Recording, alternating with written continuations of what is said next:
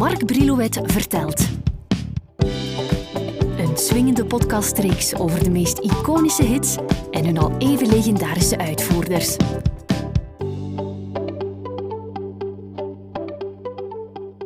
Je zal ver moeten zoeken om een muziekliefhebber tegen te komen die niet met de evergreen I Left My Heart in San Francisco vertrouwd is. Al ben ik daarin misschien iets te optimistisch en overschat ik de doorsnee muziekliefhebber.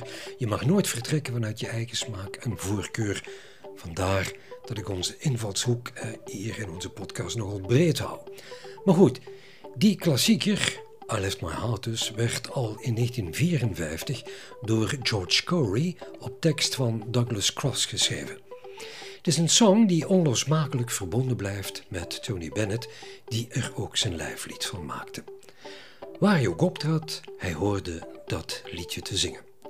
Er bestaan ook andere versies van hoor, maar die van Tony Bennett overstijgt de rest. En die staat nog altijd als een huis. Een regelrechte klassieker dus, straight from the American Songbook. Oorspronkelijk was I Left My Heart in San Francisco door Corian Cross geschreven voor Clara May Turner, een Amerikaanse operazangeres, een contra-alt om precies te zijn, maar die heeft dat nooit of te nooit op plaat gezet.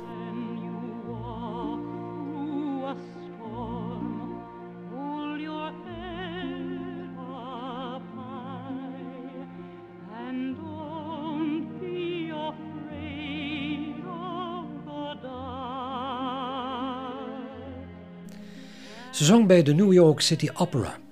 En ze heeft dat liedje, wel vaak tijdens haar concerten, als bisnummer, wanneer ze lichtere nummers zong, uh, gebracht, maar haar versie dus vereeuwigd op een plaat, op vinyl, Never the Never. Die eer was weggelegd voor Tony Bennett. Cross en Corey die gaven jaren later toe dat ze in het begin problemen hadden met de titel. Dat was even zoeken. Eerst heette het liedje When I Return to San Francisco. Nadien werd het When I Come Home, tot het uiteindelijk I Left My Heart in San Francisco werd. Cross en Corey die schreven deze song namelijk toen ze hadden besloten San Francisco voorgoed achter zich te laten en om voortaan in New York te gaan wonen. Dat afscheid gaf ze een plaats in deze evergreen. Zo konden ze dat van zich afschrijven.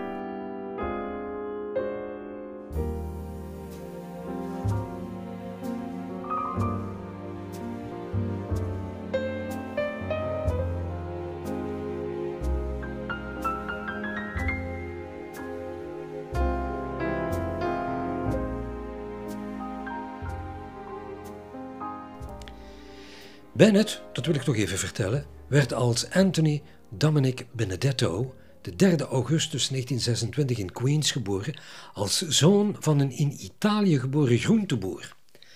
Tijdens zijn jeugdjaren waren Bing Crosby en Nat King Cole zijn idolen. In 1965 vertelde Frank Sinatra aan een reporter van Life magazine: For my money, Tony Bennett is the best singer in the business. He excites me when I watch him. He moves me. He's the singer who gets across what a composer has in mind and probably a little bit more. Het was Bennett's jarenlange begeleider, Ralph Sharon, die hem op I Left My Heart in San Francisco attendeerde. Het verhaal wil, ik heb dat ergens opgedoken, dat uh, Sharon bevriend was met de componiste Corian Cross, dat die dat liedje op een partituur had gekocht, maar ergens had opgeborgen in een heel verre schuif, ergens onderin. En tijdens een optreden in het Fairmont Hotel in San Francisco spoorde hij Bennett aan deze song aan zijn repertoire toe te voegen en op te nemen. Zo staat het keurig in de boekjes vermeld, al vertelde Tony Bennett het op een speciale plaatopname enigszins anders.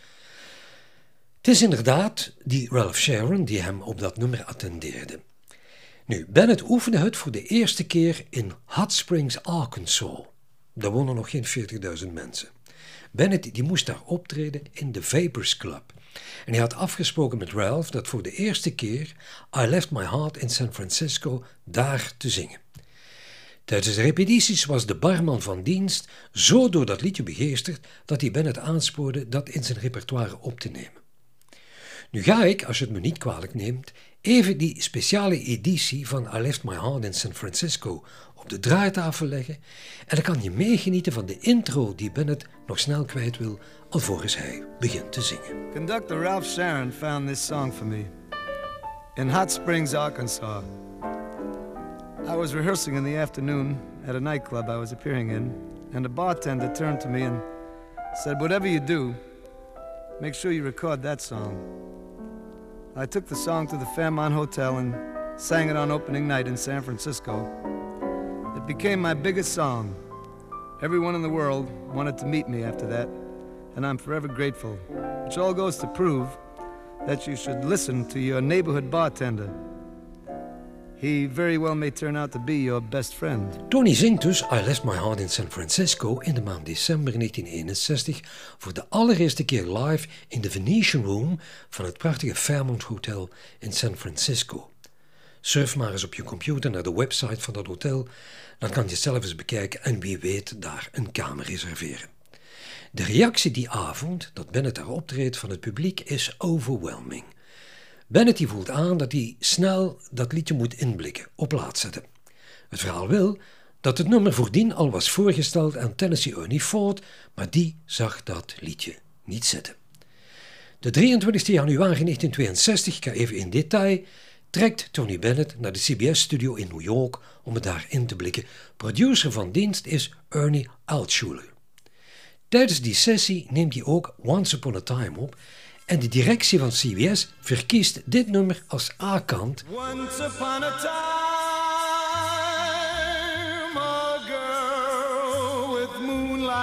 in her eyes put her hand in mine and said she loved me so. Maar de programmasamenstellers bij de diverse radiostations verkiezen de B-kant dus I Left My Heart. De 2 februari ligt de single definitief in de winkel op het Columbia label. I Left My Heart wordt wel een bescheiden top 20 hit. Het staat ergens op de 20ste plaats, niet hoger, in de top 100. Maar het wordt wel een blijverd en zal nadien zo'n 14 miljoen keer over de toonbank gaan. De song levert Tony wel een aantal prijzen op. Hij krijgt zowel een Grammy Award voor beste song als ook voor beste zanger van 1962. Wanneer in 2001 een lijst wordt opgesteld met erin de belangrijkste songs van de voorbije 20e eeuw, mag I Left My Heart in San Francisco zich op een 23e plaats nestelen. I left my heart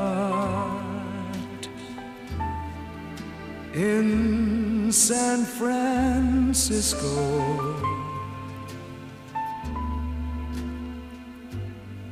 High on a hill.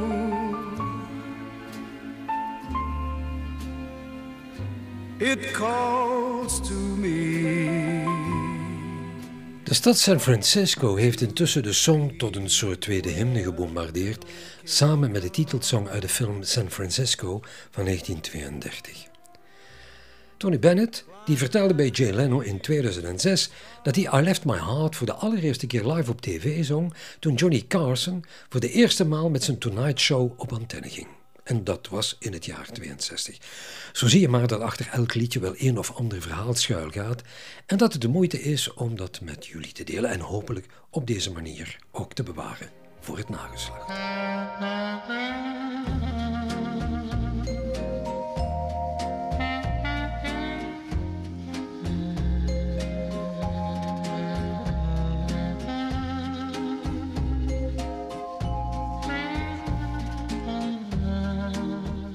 Van I Left My Heart in San Francisco zullen nadien nog een rest coverversies verschijnen. En de Williams nam het op, zelfs de groep Westlife blikte het in, maar er bestaan ook een behoorlijk aantal opnamen gezongen door dames met naam en faam. En dan denk ik sowieso aan die van Julie London en die van Brenda Lee, die het in 1963 opnam voor haar LP All Alone Am I. I left my heart in San Francisco. High on a hill, it calls to me.